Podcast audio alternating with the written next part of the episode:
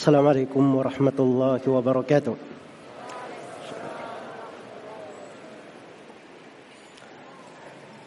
إن الحمد لله نحمده ونستعينه ونستغفره ونعوذ بالله من شرور أنفسنا وسيئات أعمالنا. من يهده الله فلا مضل له ومن يضلل فلا هادي له. أشهد أن لا إله إلا الله وحده لا شريك له وأشهد أن محمدا عبده ورسوله.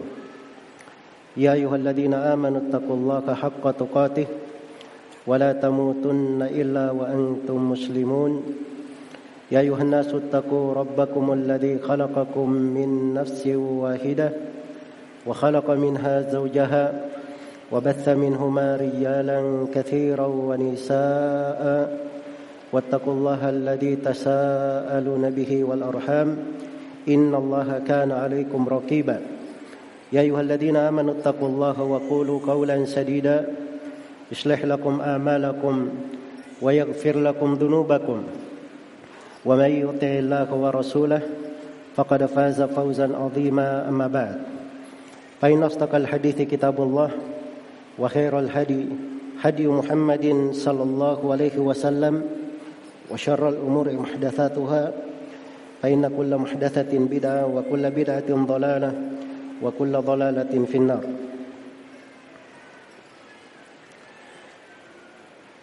kaum muslimin dan muslimat rahimani wa rahimakumullah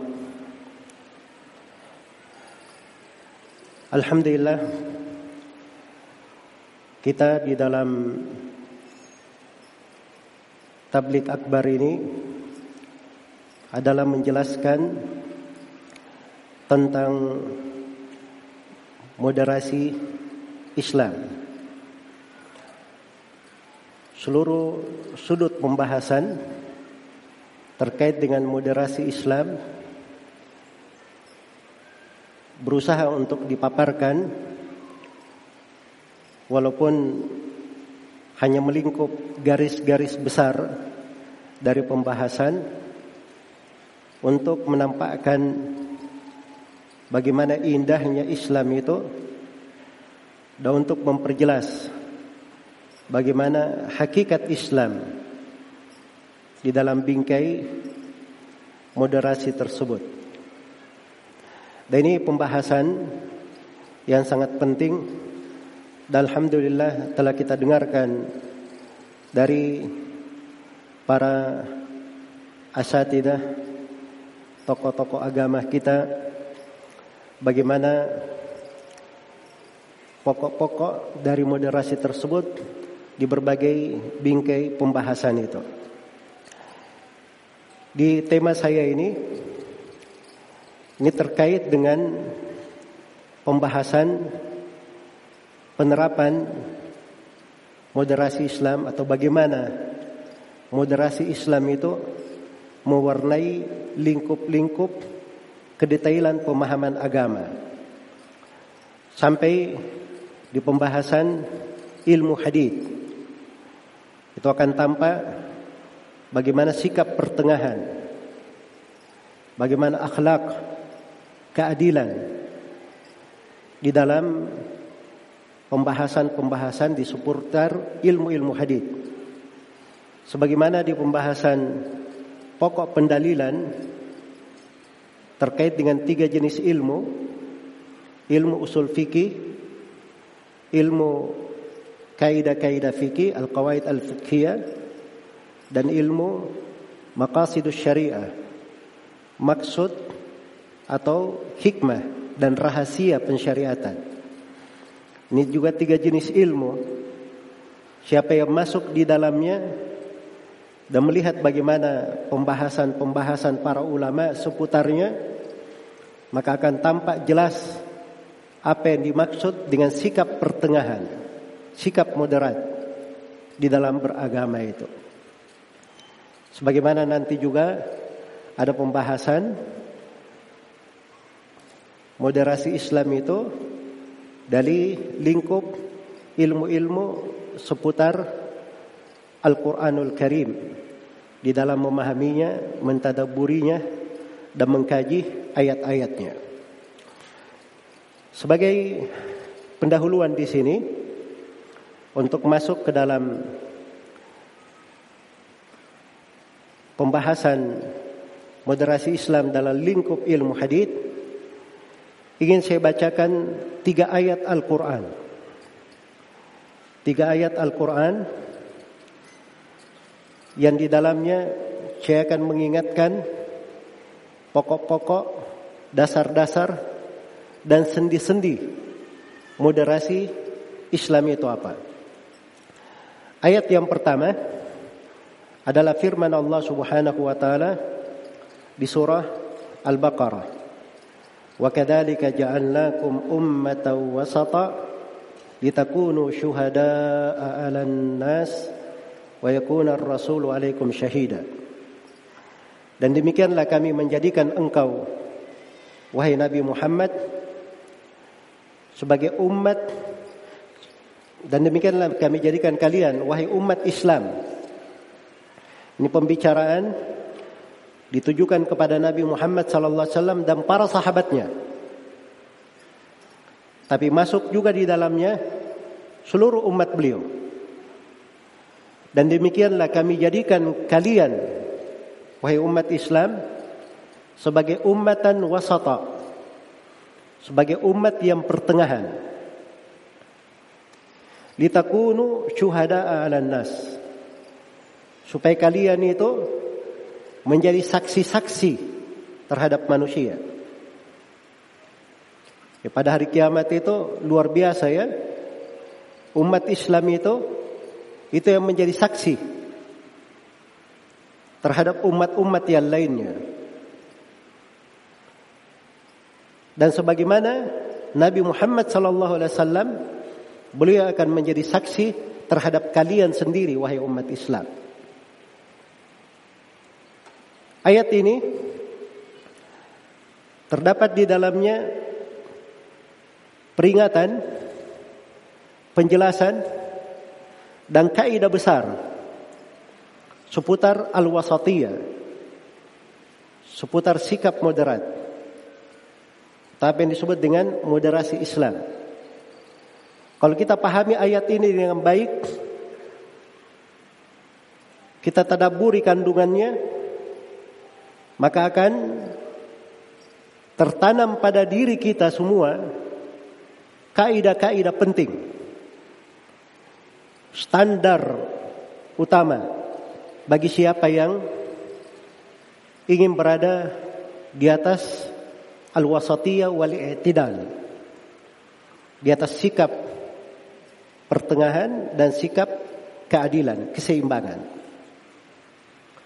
Di ayat dikatakan wa kadzalika ja'alnakum.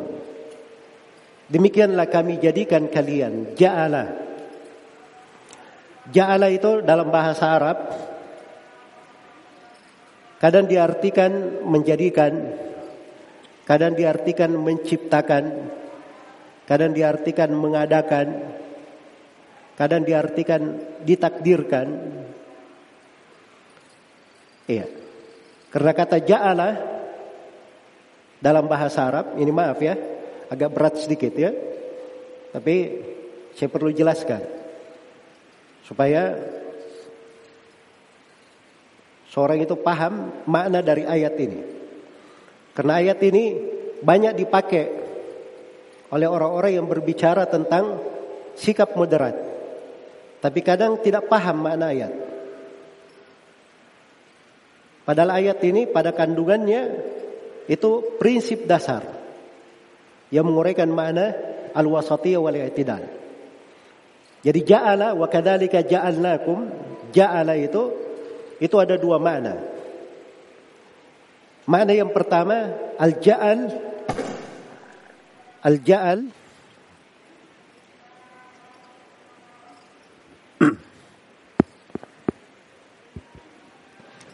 Tes tes.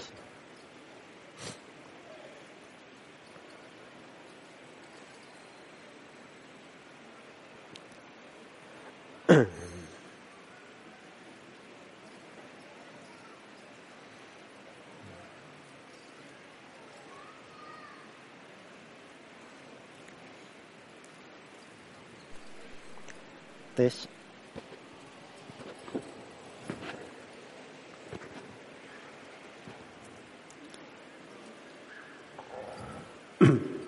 Baik.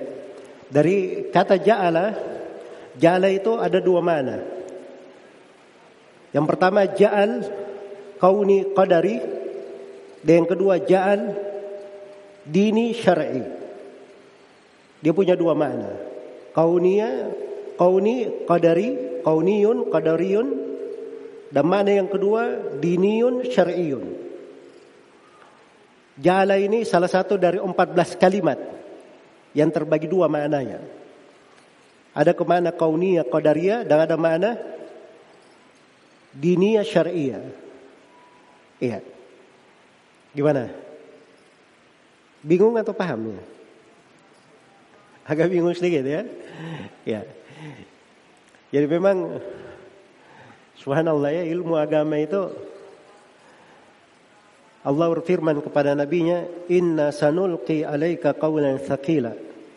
Kami akan melemparkan, memberikan kepada engkau Nabi Muhammad ucapan yang berat.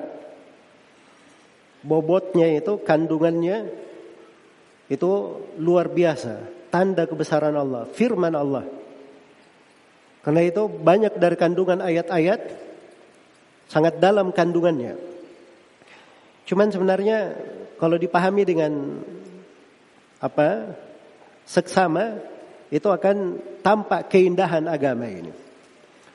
Jadi kalau diartikan wa kadzalika ja'alnakum ummatan wasata, demikianlah kami jadikan kalian jadikan kalau diartikan sebagai kauniyah qadariyah ketentuan dan takdir Allah, maka makna ayat demikianlah kami sudah tetapkan kalian wahai umat Islam sudah merupakan ketentuan Allah yang tidak berubah Kalian itu adalah umat yang pertengahan. Kalian adalah umat yang pertengahan. Ini makna yang pertama. Jadi di atas makna ini Islam itu seluruhnya adalah moderat, pertengahan. Dari ciri agama ini, dari simbol pokok agama ini, dari dari karakteristik agama ini, dia adalah agama yang pertengahan. Jadi jangan ada yang memasukkan ke dalam syariat sesuatu, oh ini syariat Allah ini kurang pertengahan. Kita modif sedikit supaya dia jadi pertengahan. Nah, itu salah memahami syariat. Salah memahami agama Allah. Karena agama Allah ini semua ketentuannya itu pertengahan. Itulah makna kauni qadari. Allah sudah tentukan hal itu. Sudah Allah takdirkan bahwa agama ini adalah agama yang pertengahan. Agama yang pertengahan. Itu adalah sifat agama. Karakteristiknya. Isi dari agama itu. Semuanya adalah pertengahan. Yang kedua, di atas makna ja'ala bermana diniyun syar'iyun maka makna dari ayat demikianlah kami syariatkan untuk kalian agama yang pertengahan. Artinya siapa yang belajar agama ini dengan baik dan benar dia mengamalkan agama ini pasti dia akan menjadi orang yang pertengahan. Pasti dia akan menjadi orang yang moderat. Orang yang menjadi moderat. Jadi itu makna yang kedua dari ayat. Wa kadzalika ja'alnakum. Demikianlah kami jadikan kalian. Artinya kami syariatkan untuk kalian dari agama. Kalau kalian berpegang dengannya, kalian akan menjadi umat yang pertengahan. Umat yang pertengahan. Ini dua makna dari ayat wa kadzalika ja'alnakum ummatan wasata. Suatu umat yang pertengahan. Umat itu artinya sekelompok manusia. Sekelompok manusia yang merupakan pengikut para nabi dan para rasul. Itu yang disebut dengan umat dan Islam ini umat Islam ini adalah umat. Sebagaimana telah berlalu di atas muka bumi ini umat-umat sebelum umat Islam. Kita ini umat Islam adalah umat yang ke-70 di atas muka bumi. Umat yang ke-70. Dan itu telah syah di dalam musnad Imam Ahmad dari jalur Bahas bin Hakim dari ayahnya, dari kakeknya Muawiyah bin Haidah radhiyallahu taala anhu. Beliau berkata Rasulullah sallallahu alaihi wasallam bersabda, "Antum tufuna sab'ina ummah antum afdaluha wa akramuha 'ala Allah azza wa jalla." Kalian wahai umat Islam menggenapkan 70 umat. Kalian adalah umat yang paling afdalnya dan umat yang paling mulianya di sisi Allah Subhanahu wa taala. Maka itu keberadaan umat Islam sebagai suatu umat. Kemudian dikatakan wasata, umat pertengahan. Ini kata wasatan ini di penafsiran para ulama ahli tafsir disebutkan oleh Al-Mawardi rahimahullah dari ulama Syafi'iyah ada tiga makna untuk wasata. Makna yang pertama, wasatan bermakna khiaran. Bermakna khiaran. Adalah umat yang terbaiknya. Bermakna yang terbaik. Itu makna khiaran. Iya. Kemudian yang kedua, wasatan itu artinya sesuatu yang berada paling tengah antara perkara-perkara. Itu sudah bahasa Indonesia kita ya. Di sebagian perlombaan itu, di permainan, itu penengahnya disebut dengan nama apa? Wasit. Disebut dengan nama wasit. Nah, wasit ini karena dia menengahi antara dua kelompok yang apa namanya? Yang sedang bermain, yang sedang bersaing, maka dia disebut wasit. Wasit itu artinya penengah. Iya. Penengah. Karena umat Islam ini mereka memang berada di tengah antara yang ekstrim dan yang menyepelekan. Antara yang berlebihan dan yang menelantarkan. Di antara dua kutub ekstrim, dia berada di pertengahan. Kemudian makna yang ketiga, wasatan dikatakan oleh Al-Mawardi, maknanya adalah al-adl, keadilan. Iya. Keadilan. Keadilan itu adalah yang berada di tengah, tidak bertambah, tidak berkurang. Tidak bertambah dan tidak berkurang. Dia berada di pertengah.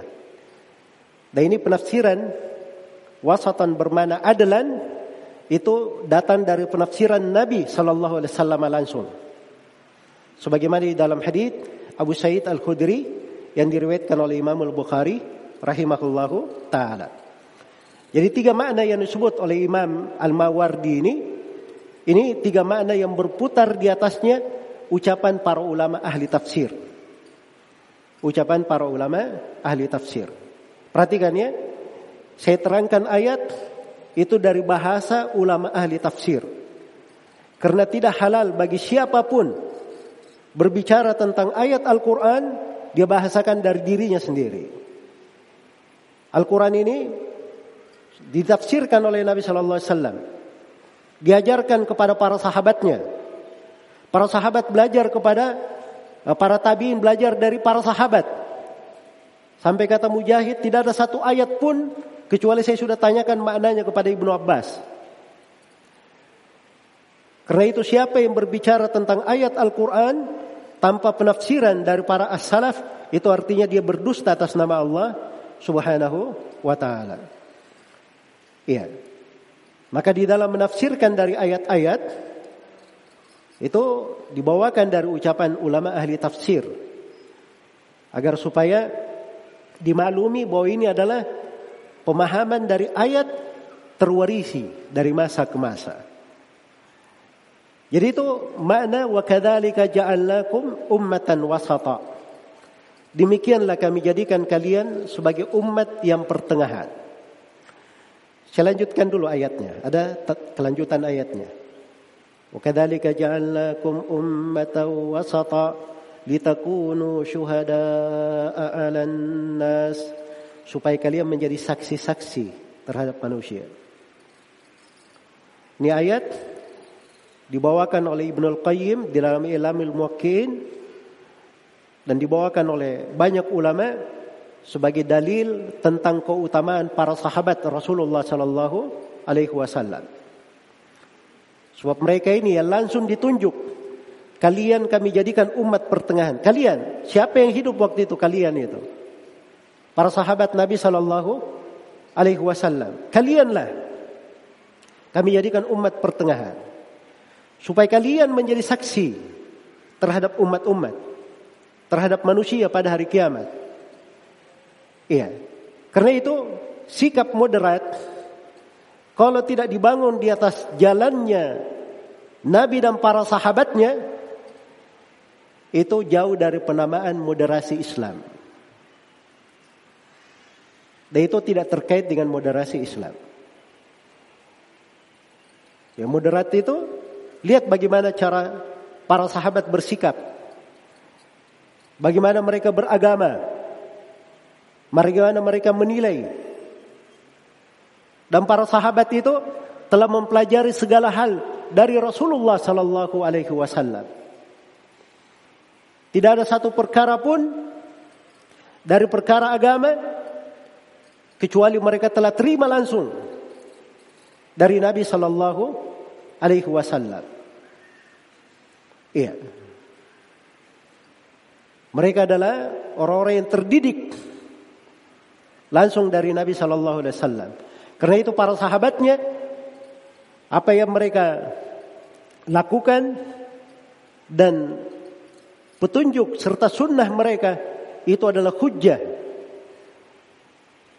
adalah hujjah argumentasi yang diterima dan dijalankan di tengah umat Islam.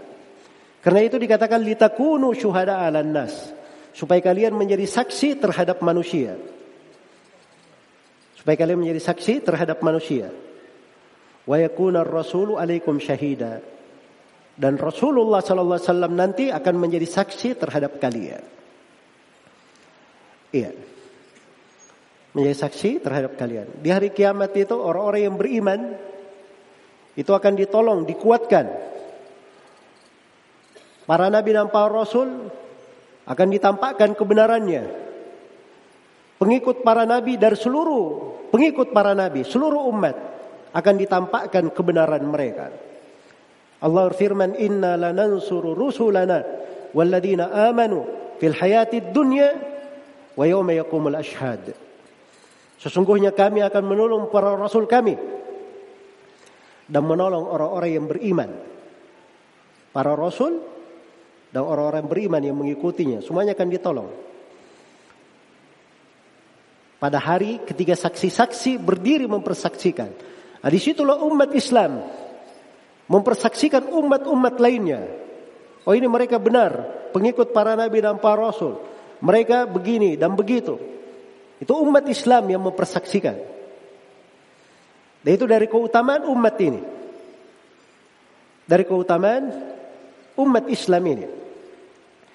Baik. Karena itu dari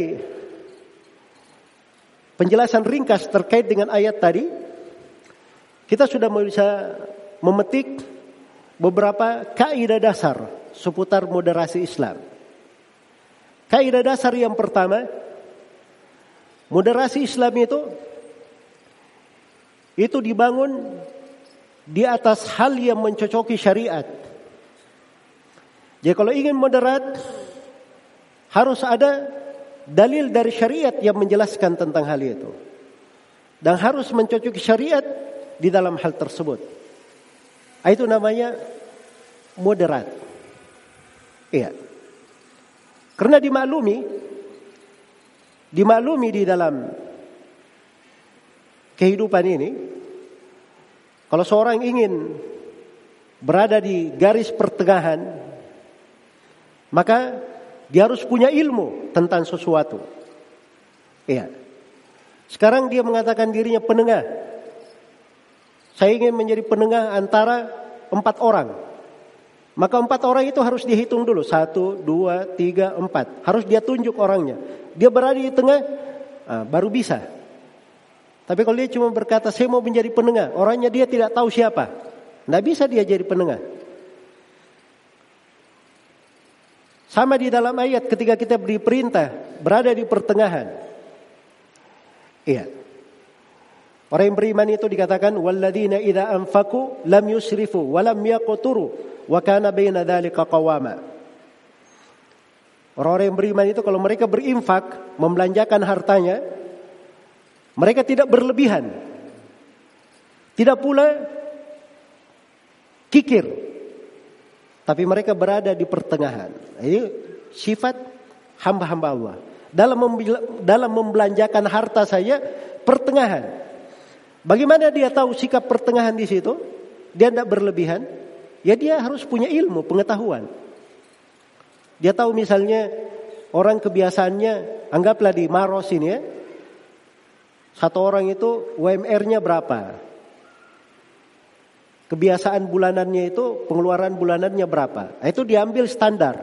Nah, kalau dia lebih itu berlebihan namanya. Kalau dia buang hartanya lebih dari itu itu berlebihan. Kalau dia kurang itu kikir. Jadi ini kan perlu pengetahuan. Iya, perlu pengetahuan. Sama dengan orang yang ingin bersikap pertengahan, berada di atas moderasi Islam, dia harus mengerti syariat. Harus mencocoki syariat. Harus mencocoki syariat. Barulah dia bisa berada di garis pertengahan. Iya. Dalam berdoa, Allah firman, "Ud'u rabbakum tadarru'a wa khufya, innahu la yuhibbul mu'tadin." Berdoalah kalian kepada Rabb kalian tadarruan dengan mengadukan segala perkaranya kepada Allah, bersedar diri penuh kepada Allah. Wa khufyah dengan suara yang lirih. Sungguhnya Allah tidak menyenangi orang-orang yang melampaui batas dalam doa. Jadi doa saja ada orang yang melampaui batas, diingatkan. Jangan melampaui batas. Bagaimana berdoa yang pertengahan tidak melampaui batas? Itu perlu mencocoki syariat di dalam berdoa. Kita perlu belajar adab-adab dan etika di dalam berdoa. Fikih seputar doa. Supaya kita berada di pertengahan. Berada di sikap pertengahan. Iya. Jadi ini digariskan di dalam agama. Karena itu moderasi Islam ya, simbol pokoknya ciri utamanya adalah mencocoki syariat. Mencocoki syariat. Kemudian yang kedua, dari karakteristik dan ciri moderasi Islam itu adalah mencocoki akal sehat. Mencocoki akal sehat. Sebab kalau dia tidak mencocoki akal sehat, maka itu tidak masuk di dalam pembahasan agama. Agama ini telah dijadikan oleh Allah Subhanahu wa taala di dalam firman-Nya dikatakan wa kadzalika ja'alnakum ummatan wasata. Demikianlah kami jadikan kalian sebagai umat yang pertengahan. Pertengahan dalam makna yang terbaik. Yang paling tengah. Yang paling adil. Kemudian mereka menjadi saksi terhadap manusia. Maka dari seluruh dari seluruh sudut penerimaan mereka diterima. Dari dalilnya diterima, dari dalil syariatnya diterima, dari dalil akalnya juga diterima. Dari dalil akalnya juga diterima. Bahkan dari dalil fitrahnya juga diterima. Sebab sikap moderat itu itu tidak bertentangan dengan fitrah. Dan ini pembahasan yang ketiga.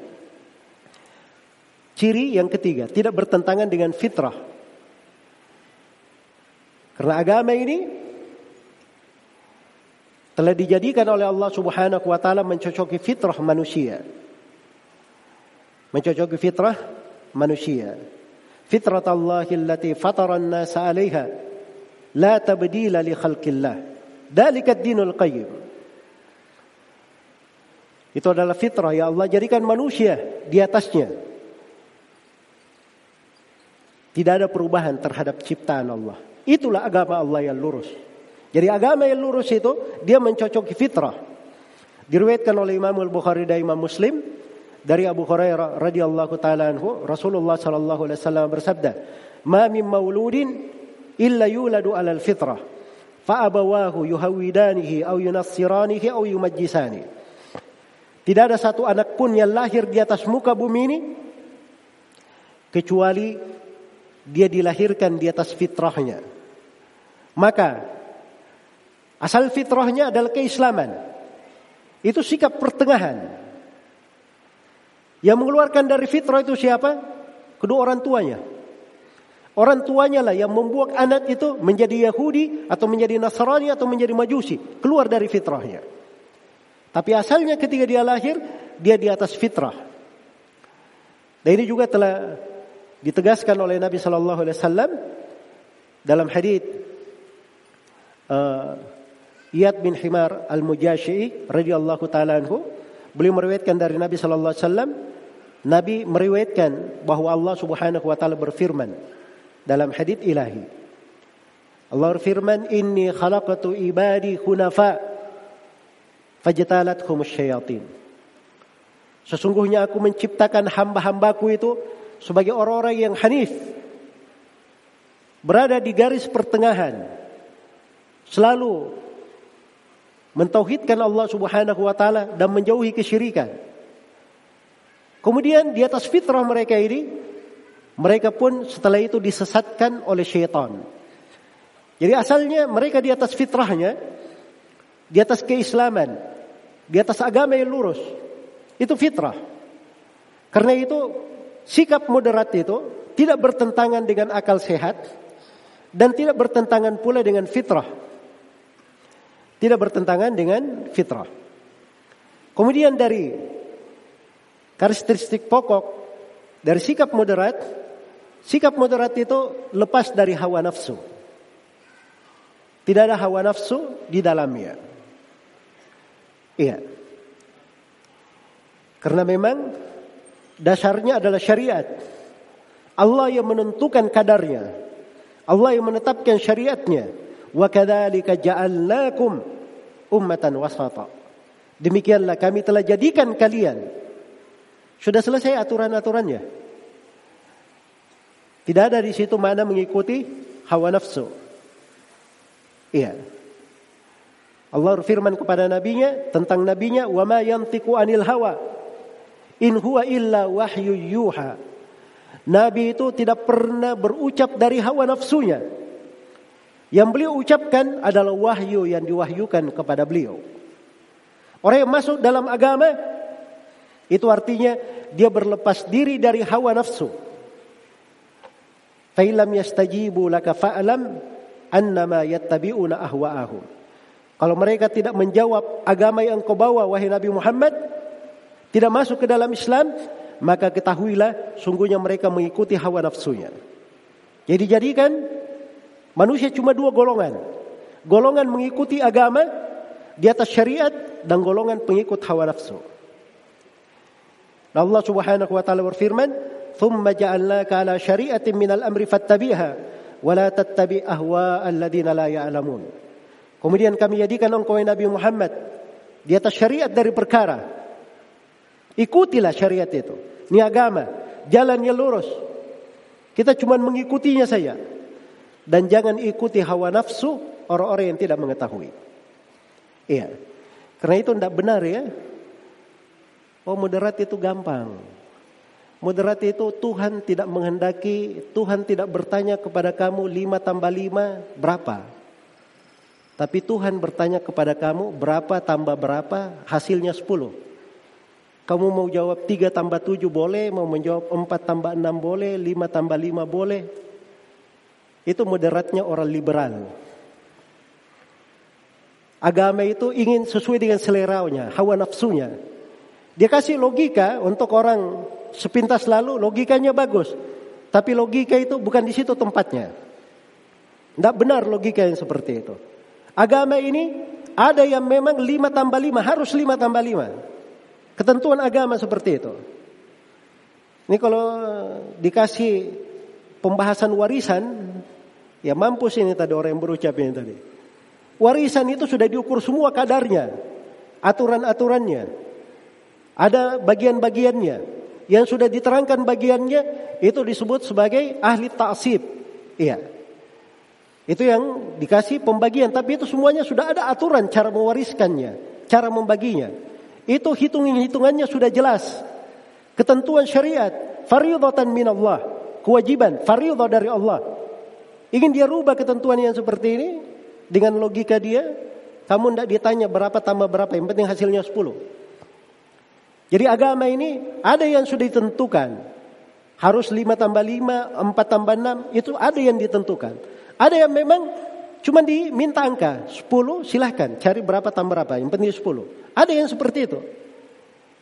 Iya. Dan ada diberi keluasan. Ada yang malah satu tambah satu, kadang hasilnya dua, kadang satu tambah satu, kadang hasilnya tiga. Itu ada di pembahasan agama. Rinciannya bagaimana? Belajar. Ya. Kalau mau tahu cara ngitungnya belajar. Nah, kalau sekarang saya ditanya, Ustadz bagaimana kok bisa satu tambah satu jadi tiga? Ya belajar dulu makanya. Saya sekarang sulit ngajari kamu karena kamu tidak bisa memahami itu. Ya. Ada orang yang kadang dia beramal dengan amalan yang sama. Ini duduk sama, sana duduk sama. Kita hadir di majelis ilmu ini. Semuanya sama di sini. Duduk di majelis. Pahalanya di sisi Allah sama? Belum tentu sama. Tergantung niatnya. Tergantung apa alasannya dia duduk di majelis ini. Apa maksudnya? Bagaimana kadar perhatiannya? Bagaimana kadar pengagungannya terhadap ayat-ayat dan hadit-hadit yang dibacakan? Itu semuanya membedakan. Membedakan. Jelas ya? Jadi maksudnya Moderasi Islam itu itu tidak perlu kepada hawa nafsu. Iya. Tidak perlu kepada hawa nafsu. Tapi dia hanya perlu bagaimana kita mencocoki syariat. Mencocoki agama. Dengan itu akan terlahir sikap moderat. Kemudian yang kelima dari sifat pokok dan ciri utama moderasi Islam itu adalah keadilan, keseimbangan. Karena agama ini dibangun di atas keadilan, bukan keboliman. Keadilan itu meletakkan segala sesuatu pada tempatnya. Itu yang disebut dengan keadilan. Ingat ya, beda antara keadilan dan kesamaan. Sekarang ini banyak orang yang pakai bahasa, oh keadilan itu semuanya harus sama. Ya. Ini bahasa tidak masuk akal. Katanya moderat, tapi tidak masuk akal. Ya. Komplain anak SD. Dikasih belanja oleh bapaknya cuma seribu perak saja. Kakaknya yang kuliah dikasih 20 ribu tiap kali ke sekolah. Yang SD ini komplain, masa cuma saya dikasih seribu saja? Ini tidak adil. Kenapa tidak adil? Dipakai bahasanya orang yang liberal tadi itu. Katanya moderat itu harus sama. Itu tidak masuk akal. Anak SD dikasih uang sama dengan anak kuliah. Nggak ada orang yang berakal berpikir seperti itu. Anak SD itu keperluannya sedikit. Yang kuliah keperluannya banyak. Diberi lebih itu wajar, biasa. Dalam nafkah juga orang tua itu dianggap berlaku adil namanya. Sebab dia memberikan nafkah kepada anaknya sesuai dengan kadar keperluan. Itu nggak ada masalah. Oh harus moderat, sama. Laki-laki harus sama pembagiannya dengan perempuan. Nah, itu baru adil. Ya.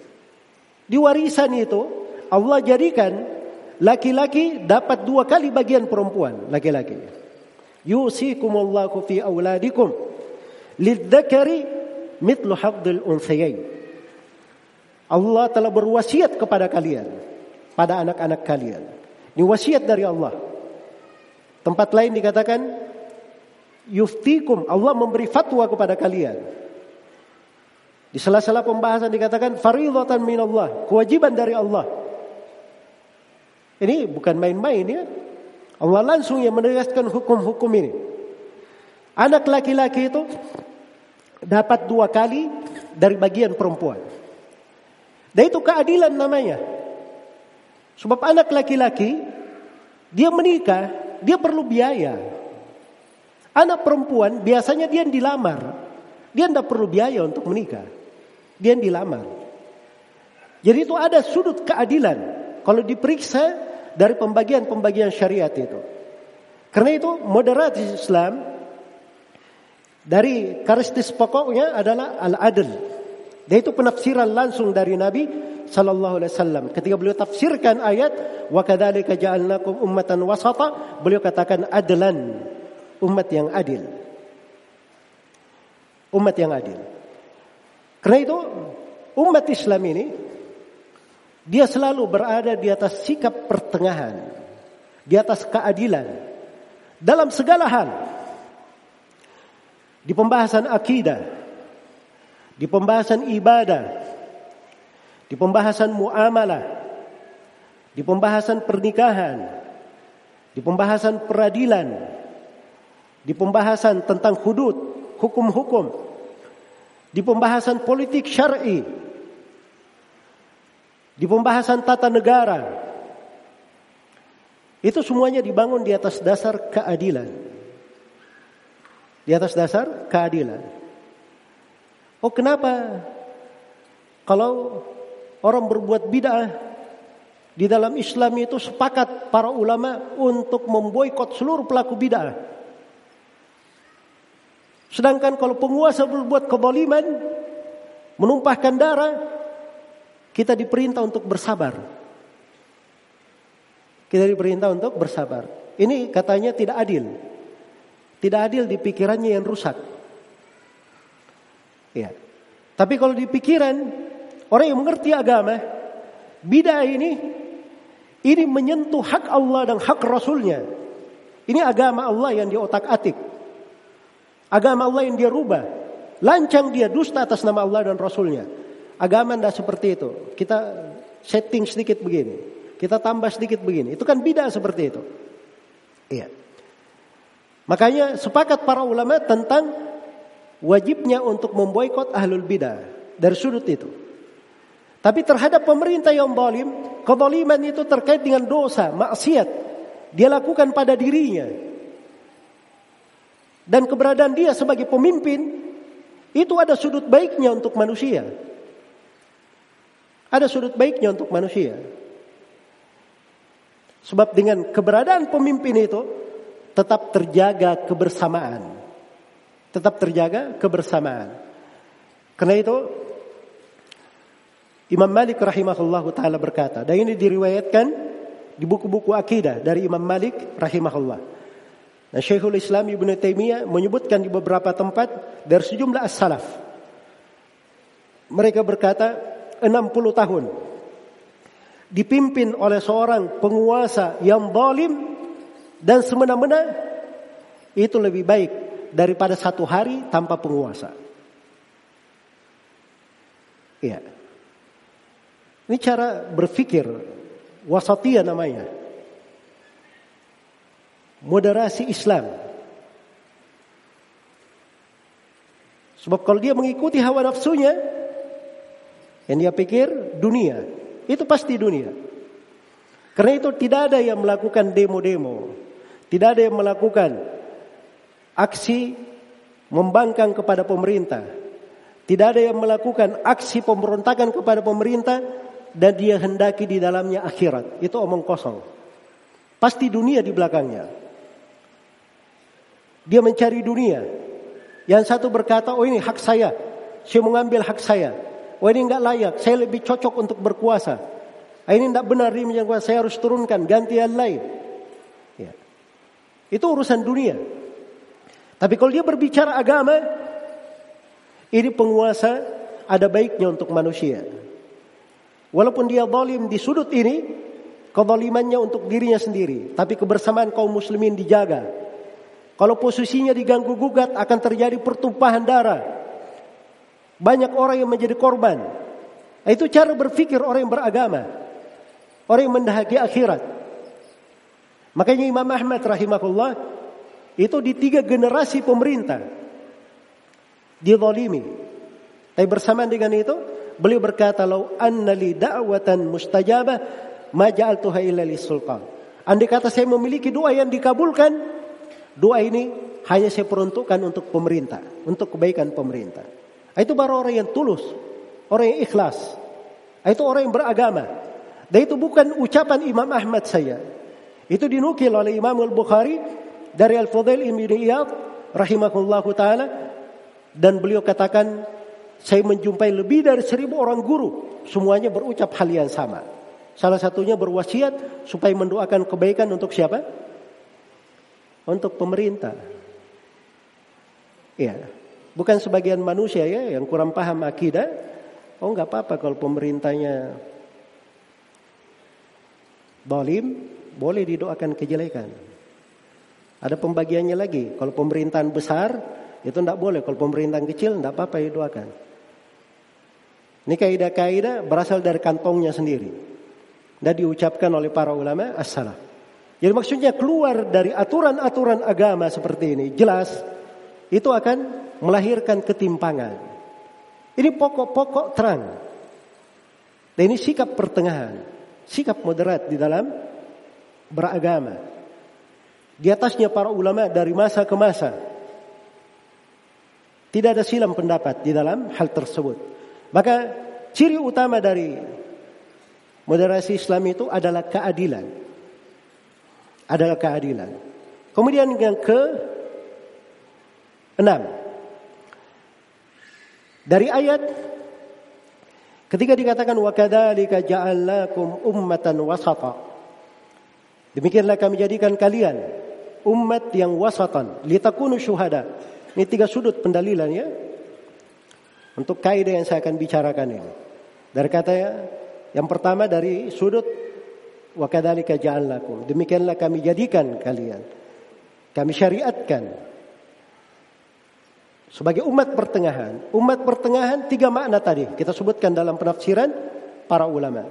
Yang terbaik bisa pertengahan bermakna yang terbaik, bisa pertengahan yang berada paling tengah antara dua sudut dan bisa pertengahan bermakna yang paling adilnya. Yang paling adilnya. Iya. Kemudian litakunu syuhada supaya kalian menjadi saksi terhadap manusia. Nah, ini melahirkan sebuah kaidah besar. Dan ini kaidah ini akan tampak dengan sangat jelas kalau kita masuk di dalam pembahasan ilmu usul fikih. Dan ilmu kaidah-kaidah fikih. Dan ilmu seputar maqasidus syariah. Wasatiyah itu itu selalu menjaga maksud pensyariatan. Dia selalu memelihara dari kandungan-kandungan pokok pensyariatan. Sebab syariat itu adanya untuk mewujudkan kemaslahatan atau menyempurnakan maslahat. Dan syariat itu ada kadang untuk menghilangkan mafsadat kalau tidak bisa dihilangkan dikurangi. Diringankan terhadap manusia. Itu pokok pensyariatan. Karena itu dari hal-hal yang disyariatkan oleh Allah Subhanahu wa taala ada yang bersifat daruriyat, ada yang bersifat uh, hajiat, dan ada yang bersifat tahsiniyat. Ada tiga sifat. Ada yang bersifat daruriyat, perkara aksioma dijaga di dalam syariat. Dijaga di dalam syariat. Karena itu seluruh konteks pensyariatan itu pasti menjaga doruriat terkait dengan lima perkara. Penjagaan terhadap agama, penjagaan terhadap jiwa, penjagaan terhadap akal, kemudian eh, penjagaan terhadap kehormatan dan penjagaan terhadap harta. Ini lima dijaga. Iya. Jadi pensyariatan kalau kita baca pembahasan agama apa pun itu menjaga lima hal ini. Ini namanya doruriat. Ada namanya hajiat. Perkara yang penting dalam kehidupan. Kita tidak bisa terhindar darinya. Berat kalau kita kehilangan hal tersebut. Nah, itu disebut dengan hajiat. Dan ada namanya tahsiniat. Hal-hal yang merupakan pelengkap. Penyempurna. Dan ini dipelihara di dalam beragama. Karena itu kata para ulama rahimakumullah taala bersikap itu kita harus menjaga kadar kemampuan kadar kemampuan kita. Dan bersikap itu itu juga kadang melihat dari sudut kemungkinan fasilitas yang tersiap untuknya. Iya. Makanya Nabi Shallallahu Alaihi Wasallam itu ada hal-hal yang beliau cuma diizinkan ketika di fase Medina saja. Ketika di Mekah tidak diizinkan untuk beliau hal itu. Seperti misalnya berjihad dengan tangan. Berjihad dengan pedang. Itu dilarang ketika berada di Mekah. Tapi disyariatkan di mana? Di Medina. Untuk Nabi Shallallahu Alaihi Wasallam. Itu penjagaan terhadap syariat. Padahal jihad itu adalah syariat Allah yang mulia berlaku sampai hari kiamat. Tapi dia adalah wasilah untuk menuju kepada sebuah puncak Wasilah ini dipakai kalau dia bermanfaat. Kapan tidak bermanfaat maka itu tidak dipakai. Tidak dipakai. Sampai di hari kiamat juga seperti itu. Jangan menganggap oh kalau gitu sekarang kita harus jihad selalu mengangkat pedang. Iya. Pemerintah saat ini semuanya berdosa karena tidak ada yang berjihad. Nah, itu pemikiran orang-orang yang ekstrim. Keliru di dalam memahami. Sebab syariat itu kadang di, diukur pada sudut kemampuan dan kemungkinan fasilitas yang dimiliki. Ada sudut hal tersebut. Iya. Ada orang-orang yang mengatakan bahwa pemerintah itu pada segala keputusannya, segala hal yang diambil harus diumumkan kepada masyarakatnya. Orang-orang harus tahu. Ini dari mana?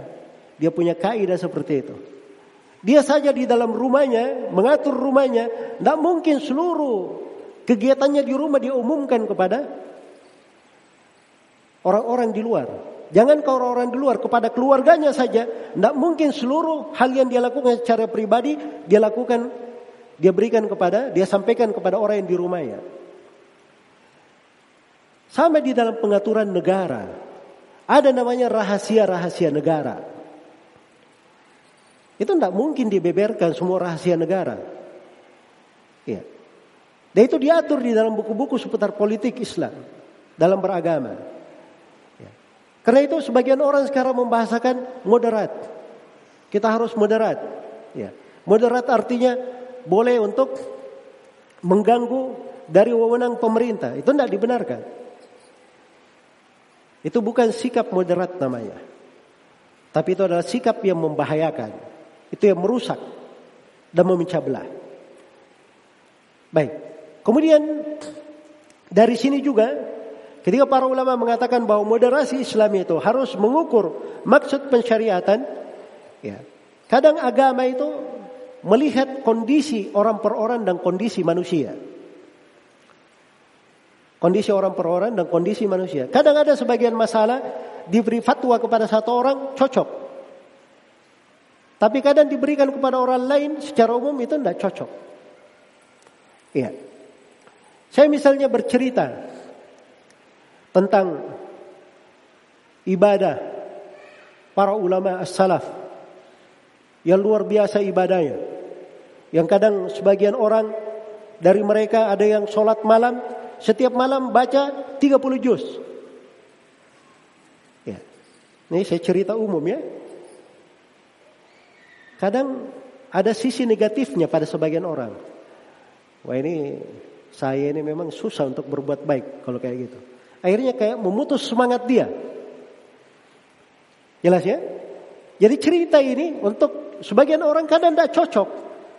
Tapi orang yang sudah mulai ibadah, sudah mulai dia baca sholat malam misalnya, mulai rajin, baca satu juz, ingin kita beri motivasi, kita kasih kisah itu, itu baru cocok. Itu moderat namanya. Ya. Kadang di sebagian tempat manusia diberi dengan suatu pendekatan. Tapi di tempat lain pendekatan itu tidak cocok. Cocoknya pakai pendekatan yang lain. Itu moderat namanya. Sebab ini dia menjaga sendi-sendi agama. Menjaga maksud pensyariatan. Karena syariat ini adalah datang untuk memudahkan. Bukan untuk mempersulit. Yassiru wala tu'assiru. Permudah, jangan kalian mempersulit. Basyiru wala tu wala tunaffiru. Beri kabar gembira dan jangan kalian membuat orang lari. Dan syariat ini juga tidak menginginkan hal yang berat bagi pemeluknya. Wa ma ja'ala wa ma ja'ala alaikum wa ma yuridu Allahu liyajal alaikum min haraj. Allah Subhanahu wa taala tidak menghendaki kesusahan atas kalian. Dan Nabi sallallahu alaihi wasallam bersabda la darar wa. Tidak boleh ada bahaya dan tidak boleh ada pembahayaan. Menjadilah kaidah-kaidah besar di dalam pembahasan-pembahasan agama. La darar wa. Tidak boleh ada bahaya dan tidak boleh ada pembahayaan. Ya, ini semua dari karakteristik dan ciri bagaimana moderasi Islam itu. Kemudian berikutnya ayat ini saya ayat pertama ya di surah Al-Baqarah. Ayat yang kedua di surah Al-A'raf adalah firman Allah Subhanahu wa taala wala tufsidu fir ardi ba'da islahiha. Janganlah kalian berbuat kerusakan di atas muka bumi setelah bumi ini diperbaiki. Ini ayat jelas menunjukkan kepada kita bagaimana moderasi Islam itu. Kita dilarang berbuat kerusakan. Karena bumi ini sudah diperbaiki. Bumi ini sudah bagus. Sudah baik untuk kita. Jangan berbuat kerusakan. Apa makna ayat? Di antara mana ayat kata para ulama? bumi ini Allah telah perbaiki dengan diutusnya para nabi dan para rasul. Dengan diturunkannya syariat dan agama. Sudah ada aturan. Maka jangan kalian berbuat kerusakan dengan keluar dengan bentuk keluar dari jalannya para nabi dan para rasul, keluar dari tuntunan agama. Karena itu saya kembali menekankan dan menegaskan bahwa moderasi Islam itu itu adalah suatu hal yang harus selalu mencocoki syariat. Selalu mencocoki syariat, selalu mencocoki fitrah, mencocoki akal sehat dan dia adalah selalu bersikap adil dan pertengahan, bukan mengikuti hawa nafsu. Kemudian ayat yang ketiga adalah firman Allah Subhanahu wa taala di surah Hud. Allah berfirman kepada nabinya fastaqim kama umirta wa man taba ma'aka wala tataghaw. Istiqamalah engkau Nabi Muhammad. Sebagaimana engkau diperintah. Demikian pula orang-orang yang bertobat bersamamu. Iya. Jadi dalam ayat ini ini penegasan tentang wasotia itu. Moderasi Islam. Bahwa moderasi Islam itu dibangun di atas dua kaidah. Moderasi Islam dibangun di atas dua kaidah. Kaidah yang pertama istiqamah di atas agama. Ya. Jadi kalau dia cerita, waduh kamu moderat sedikit lah, jangan terlalu ekstrim. Orang yang berkata ini moderat sedikit, jangan terlalu ekstrim. Dangkal pemahaman agamanya. Atau tidak belajar agama. Maka pahamilah itu bukan moderasi yang dia maksud.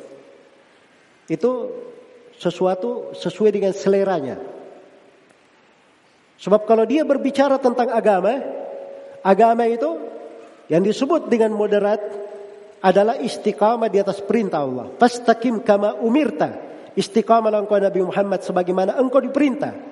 Wa man taba ma'aka. Demikian pula semua orang yang bertobat bersamamu. Semua umat Islam yang masuk ke dalam Islam bertobat kepada Allah semuanya harus istiqamah sebagaimana diperintah. Itu rukun pertama dari sikap moderat di dalam ayat ini. Dan rukun yang kedua, moderasi Islam itu tidak boleh berlebihan, tidak boleh pula menyepelekan. Tidak boleh ada ekstrim, tidak boleh pula ada sikap menggampangkan, menyepelekan. Iya. Karena Nabi Shallallahu Alaihi Wasallam telah bersabda dalam hadis Ibnu Abbas yang diriwayatkan oleh Imam Ahmad dan selainnya, kata beliau Shallallahu Alaihi Wasallam, "Iyyakum wal gulu, fa innama ahlaka alladziina min qablikum al gulu fid din." Hati-hati kalian dari sikap ekstrim. Sebab yang membinasakan umat-umat sebelum kalian adalah sikap ekstrim mereka dalam beragama. Nabi Shallallahu Alaihi Wasallam juga bersabda, Inna dina yusrun wala yushadda ahadun fid din illa ghalabah. Sesungguhnya agama itu mudah. Tidaklah seorang itu ekstrim dalam beragama kecuali dia akan terkalahkan. Dia akan terkalahkan. Maka sikap moderat itu istiqamah di atas perintah tidak berlebihan, tidak pula menyepelekan. Iya. Ya kalau ada yang berkata moderat itu artinya kita gampangkan perkara. Ini haram. Wah jangan terlalu ekstrim lah. Moderat sedikit. Anggap saja itu mubah. Nah, itu tidak benar ya. Nggak ada moderasi Islam seperti itu. Menghalalkan apa yang diharamkan oleh Allah. Itu tidak mungkin. Ya. Ini kalian ahli sunnah ini terlalu ekstrim kepada pemerintah. Pemerintah berbuat bolim, kalian bilang harus sabar. Pemerintah melakukan kesalahan begini dan begini, kalian bilang didoakan kebaikan. Kalian ini terlalu ekstrim terhadap pemerintah. Moderat sedikit. Bagaimana cara moderat? Ya sekali-sekali ikut demo lah sama kita. Ya. Nah, itu lihat ya gaya berpikir sebagian manusia. Itu tidak benar. Ini prinsip agama. Ketentuan syariat. Ketentuan syariat. Kita akan ditanya di depan Allah. Bahkan Nabi Sallallahu Alaihi Wasallam akan menanyai kita tentang hal itu. Karena itu Anas bin Malik radhiyallahu taala ketika ditanya tentang kezaliman sebagian penguasa di masanya, maka beliau berkata kepada manusia yang bertanya itu, "Isbiru hatta talqauni alal haud." Hakadha sami'tu min Rasulillah sallallahu alaihi wasallam. Sabarlah kalian sampai kalian menjumpai saya di telaga. Demikian saya mendengar dari nabi kalian, Nabi Muhammad sallallahu alaihi wasallam. Itu nabi yang memerintahkannya. Sebab bersabar itu sikap moderat namanya. Karena kita berpikir panjang. Sesuai dengan kemaslahatan. Iya. Baik. Jadi ini sebagian pembahasannya akan tampak sekali bagaimana sikap-sikap moderat di dalam beragama. Dari tiga ayat yang kita bacakan tadi. Kalau kita sudah tahu pondasi-pondasi ini, kita masuk di dalam pembahasan ilmu hadith. Kita hidup di dalamnya. Kita hidup dalam ilmu-ilmunya. Kita membaca buku-bukunya. Maka itu pasti dipastikan orang yang masuk di dalam lingkaran para ulama ahli hadith sibuk dengan hadith itu akan menyandang sikap pertengahan. Akan seimbang di dalam beragama. Akan jernih cara berfikirnya. Sebab memang komitmen dari ilmunya melatih untuk hal yang seperti itu. Melatih untuk hal seperti itu. Iya. Dan di sini kita tidak terlalu banyak waktu ya untuk menguraikan. Tapi saya jelaskan beberapa perkara terkait dengan ilmu hadis. Di dalam definisi hadis yang diterima, hadis yang sahih. Ibnu Hajar rahimahullahu taala di Nukhbatil Fikr berkata, "Wa khabarul ahad binaqli adilin tamid dhabati muttasilis sanadi ghairi muallalin wala syaddin huwa sahihu lidati." Kata beliau, hadis ahad kalau dia dinukil oleh seorang rawi yang adil seorang rawi yang adil satu tamid dhabat sempurna dhabatnya dhabat ini kemampuannya di dalam menguasai riwayat. Apakah dari sudut hafalan atau dari sudut tulisan. Kemudian yang ketiga muttasil sanad. Bersambung sanatnya kemudian yang keempat gairu muallal. Haditnya bukan hadit yang ada illah di dalamnya. Bukan mengandung cacat wala syadzin dan bukan hadith yang syad. Bukan hadith yang syad. Ya kalau terpenuhi lima syarat ini, maka itu disebut sebagai hadith yang sahih didatihi.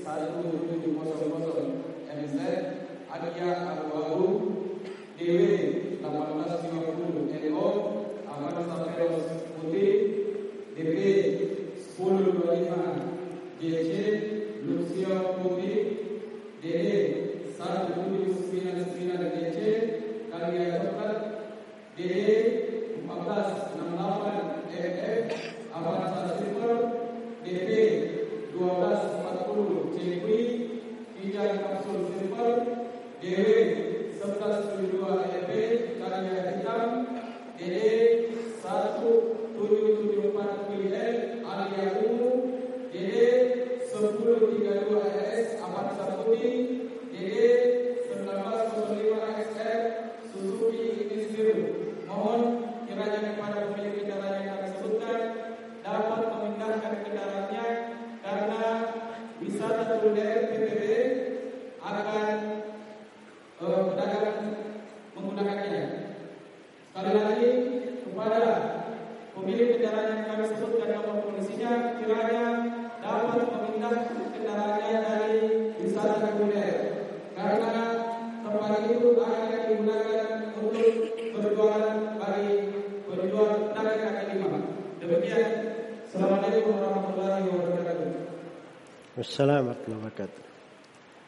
bicara masalah moderat ya.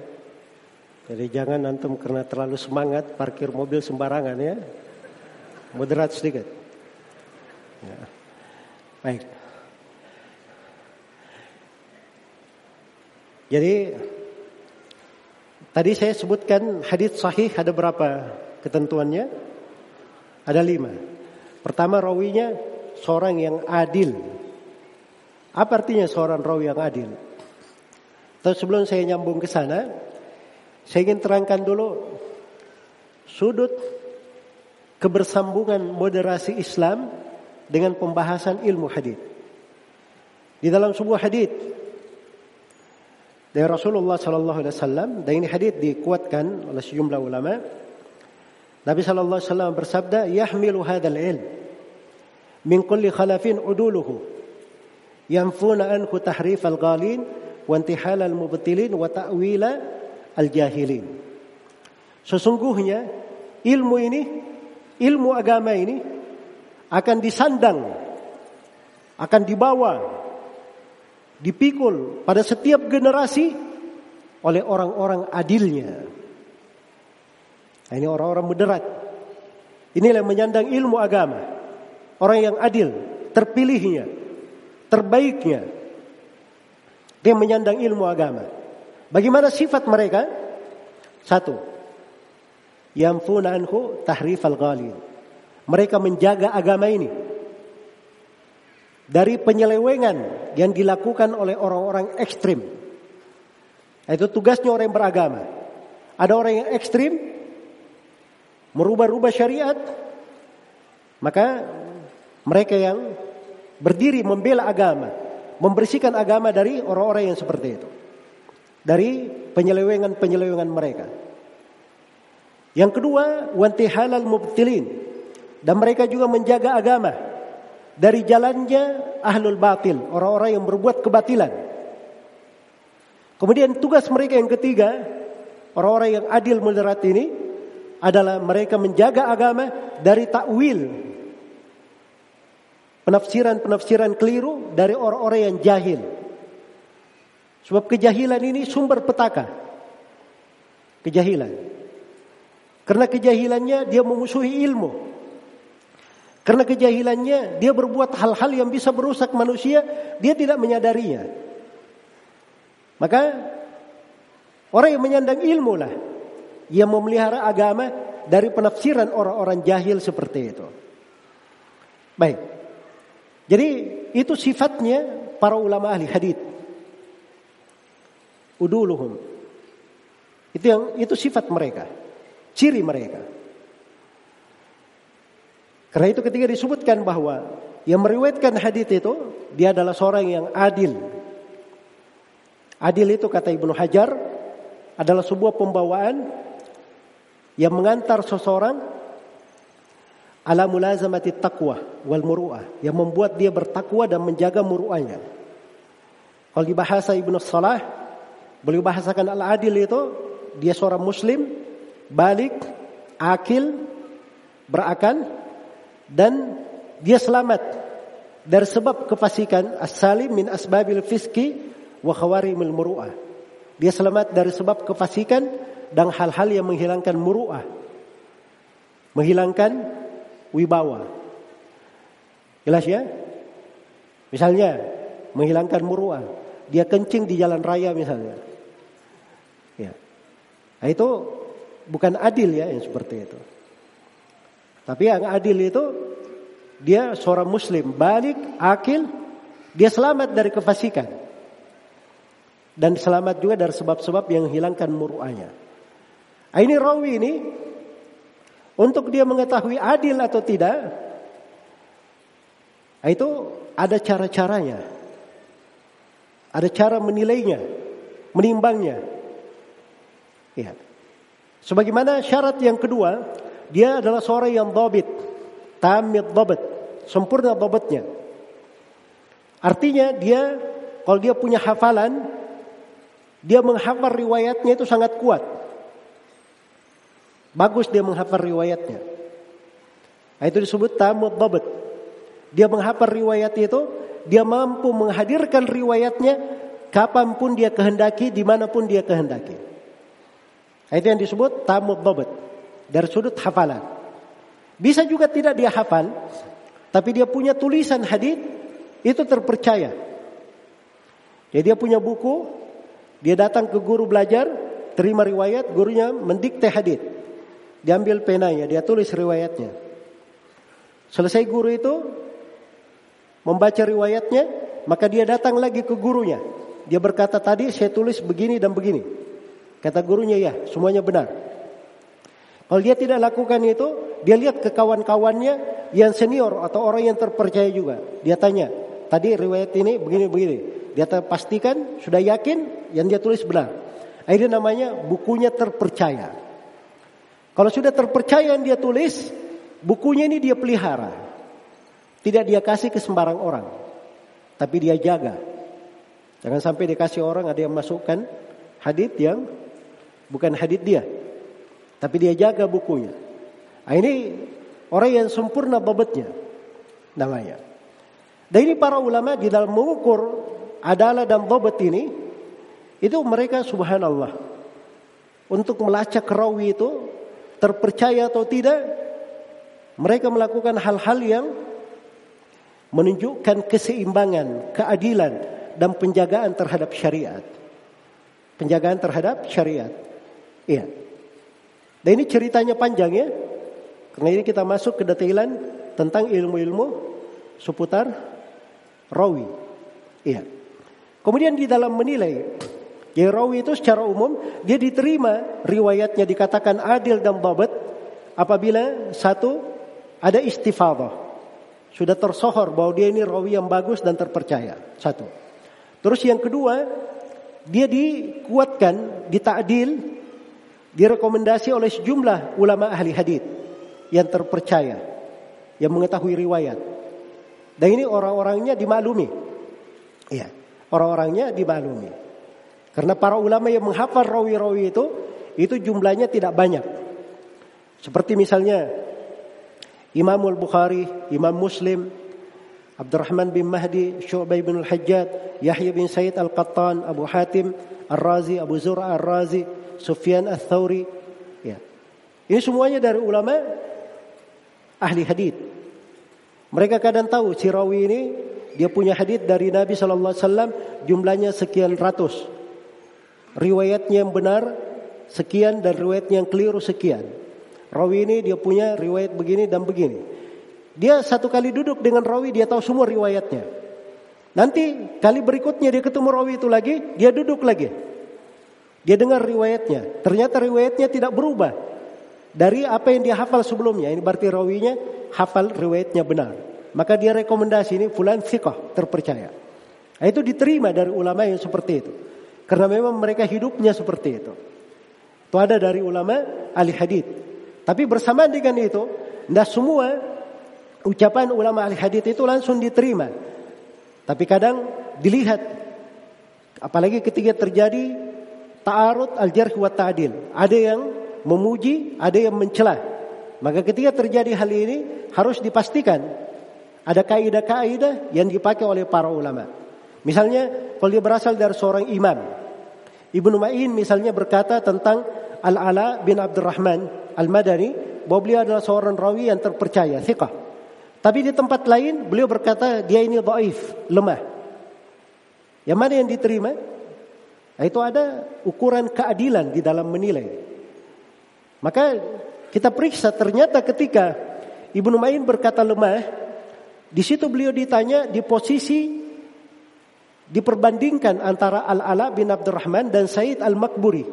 Ditanyakan kepada Yahya bin Ma'in, yang mana yang lebih kuat? Yahya yang mana yang lebih kuat? Said Al-Makburi atau Al-Ala? Kata beliau Said Al-Makburi thiqah, Ala dhaif. Maka nampak dari jawaban di sini bahwa di sini jawabannya pelemahan, pelemahan itu dari sudut perbandingan. Jadi kalau Ala-Ala dibandingkan dengan Said Al-Makburi tidak ada apa-apanya Ala-Ala. Ala-ala ini dihitung daif. Tapi di sudut yang lainnya dia sebenarnya rawi yang terpercaya. Karena itu hadisnya ada di Sahih Muslim. Walaupun tidak dipakai oleh Al-Bukhari, tapi dipakai oleh Imam Muslim dan dipakai oleh banyak dari ulama. Ya paling sedikitnya hadisnya dihasankan, diterima. Itu caranya.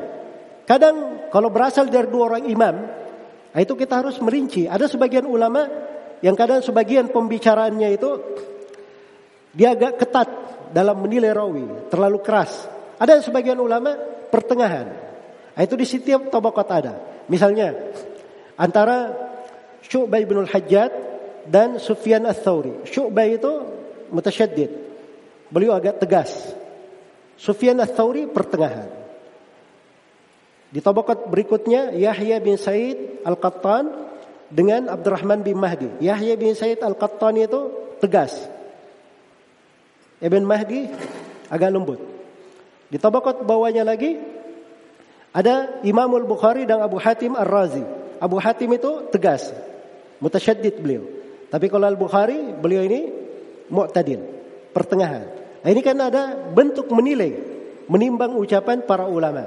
Sama ketika seorang rawi itu dihukumi sebagai misalnya dia adalah orang yang melakukan tadlis Tadlis itu tidak dikatakan setiap rawi yang melakukan tadlis menyamarkan riwayat ditolak riwayatnya. Karena dipakai oleh Al-Ala Al-Ala'i rahimahullah di dalam Jami'ut Tahsil beliau membagi rawi-rawi mudallisin menjadi lima tingkatan. Menjadi lima tingkatan. Tingkatan yang pertama ada yang tadlisnya sedikit, jarang sekali. Ini tidak dipermasalahkan. Seperti Abu Nuaim al-Asbahani, Sufyan al-Thawri, ini tidak dipermasalahkan. Yang kedua, di tabakat yang kedua ada tadlisnya tapi sedikit. Kalau yang pertama jarang. Ini yang kedua sedikit. Ini seperti Sufyan ibnu Uyainah. Mereka para imam dimaafkan. Karena itu riwayat-riwayatnya ada di Bukhari dan Muslim dipakai nggak dipermasalahkan. Kemudian yang ketiga ada yang tadlisnya banyak. Tapi silam pendapat para ulama ini diterima atau tidak? Diterima atau tidak? Kemudian yang ketiga ada yang tadlis, eh, yang keempat tadlisnya disepakati oleh para ulama tidak diterima kecuali kalau dia pakai haddatsana atau sami itu. Kata yang menunjukkan dia mendengar langsung dari guru. Dan tingkatan yang kelima, ini adalah rawi-rawi yang mengumpulkan antara tadlis dan kelemahan. Dia ada kelemahannya, tapi mudallis juga. Seperti Abdullah bin Lahiyah, Abu Janab Al-Kalbi, dan yang semisal dengannya. Iya. Jadi ini di dalam menilai pun para ulama beraneka ragam, ada tingkatan di dalam menilai.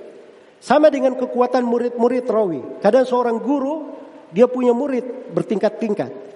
Misalnya seperti Qatada. Qatada muridnya di tingkatan pertama ada Said bin Abi Aruba, Syubay bin Hajjat, Hisham ibnu Abdullah Ad-Dastuwai. Terus ada tingkatan di bawahnya. Sama dengan Imam Zuhri, Muhammad bin Muslim bin Ubaidillah bin Abdullah. Ini beliau punya murid-murid sampai uh, uh, Imam Muhammad bin Yahya Duhli punya buku judulnya Az-Zuhriyat. Tingkatan rawi-rawi yang meriwayatkan dari Az-Zuhri. Ya. Jadi ketika masuk di dalam hal tersebut, Cara berpikir itu seimbang. Sebab orang itu tidak bisa dihukumi dengan satu hukum. Tapi harus dinilai sesuai dengan kadar kedekatannya kepada guru. Berapa lama dia berguru. ya Kekuatan hafalannya, riwayatnya. Itu semuanya adalah bentuk penilaian. Ya. Kemudian di dalam uh, ilmu hadith itu juga ada yang disebut dengan nama takhrij dan dirasatul asanid. Karena itu kata Ibnu Ma'in eh, kata Ibnu Madini rahimahullahu taala al-bab idza lam tujma turuku lam yatabayyan khata'u. Bab pembahasan itu kalau dikumpulkan pintu jalan jalur-jalur riwayatnya tidak akan tampak kekeliruan dari riwayat. Ya, sebuah riwayat itu kadang kalau mau dinilai ini riwayatnya lurus atau tidak, kita harus kumpulkan seluruh jalur riwayatnya baru kelihatan ini riwayat benar atau tidak. Iya. Dan ini pembahasan menunjukkannya bahwa para ulama ahli hadis itu betul-betul seimbang di dalam apa? Menilai, di dalam mengeritik dan kelihatan bahwa mereka itu berbicara membela hadis Nabi wasallam itu di atas agama, di atas ketakwaan, di atas wara. Di atas wara. Ya, dan ini dari mana-mana yang indah sekali kalau kita pelajari pembahasan ilmu hadis. Baik, waktunya sudah habis di sini. Dan saya ingatkan di sini bahwa uh, ilmu ini Seseorang itu apabila ingin lebih dekat kepada agamanya, dia ingin masuk ke dalam pembahasan hadis Rasulullah sallallahu alaihi wasallam, maka dia banyak baca dari buku-buku hadis. Rajinlah baca Sahih Al-Bukhari, Sahih Muslim, Sunan Abi Dawud, Sunan At-Tirmidzi, Sunan An-Nasai, Sunan Ibnu Majah, Musnad Imam Ahmad, Musnad Abi Dawud At-Tayalisi, ya, Musnad Abi Ya'la dan selainnya dari buku-buku hadis. Baca buku-buku itu. Lihat bagaimana hari-hari kehidupan Nabi Shallallahu Alaihi Wasallam dan para sahabatnya. Lihat bagaimana ulama Islam itu hidup. Maka akan kelihatan Islam itu dengan detail. Kelihatan Islam itu secara kafah. Kelihatan Islam itu secara sempurna. Kalau orang bisa memahami seperti itu, barulah dia boleh berbicara tentang masalah moderasi Islam. Supaya dia kenal, itu Islam yang sebenarnya. Jadi ketika dia berbicara moderasi Islam itu begini, itu artinya dia sudah membaca, dia sudah menguasai Islam itu dari segala hal. Sehingga dia bisa membahasakannya.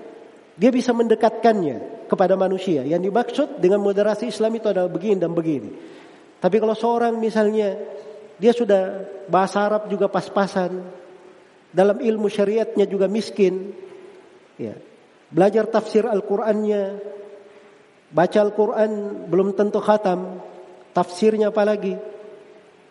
Setelah itu lancang berbicara tentang masalah-masalah agama, apalagi masalah-masalah terkait dengan banyak manusia, terkait dengan tata negara, terkait dengan darah manusia. Ini harusnya seorang itu bertakwa kepada Allah. Sebab setiap kalimat yang kita ucapkan terkait dengan agama itu pasti kita akan dipertanyakan oleh Allah Subhanahu wa taala. Wala takfu ma laysa laka bihi ilm.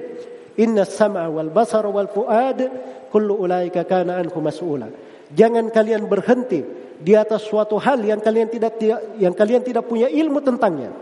Sungguhnya pendengaran, penglihatan dan mata hati semuanya akan dimintai pertanggungjawaban. Semoga Allah Subhanahu wa taala memberikan taufiknya kepada kita semua, memudahkan kita di atas kebaikan, menguatkan kita semua di atas Islam dan sunnah di kehidupan dunia ini, di sakaratul maut, di alam kubur dan tatkala kita semua berdiri depan Allah Subhanahu wa taala kelak di kemudian hari. Dan saya bermohon kepada Allah Subhanahu wa taala dengan seluruh nama-namanya dan sifatnya yang memudahkan kita hadir di majelis ini sebagaimana Allah memudahkan kita duduk di sini dalam kebersamaan dalam bingkai kebersamaan kita di dalam negeri ini. Semoga Allah Subhanahu wa taala mengumpulkan kita semua di akhirat kelak di surganya yang penuh dengan kenikmatan. Innahu waliyyu dzalika wal qadiru alaih. Wallahu taala alam. Subhanakallahumma wa bihamdik, asyhadu an la ilaha illa anta, astaghfiruka wa atubu ilaik. Walhamdulillahirabbil alamin. Wassalamualaikum warahmatullahi wabarakatuh.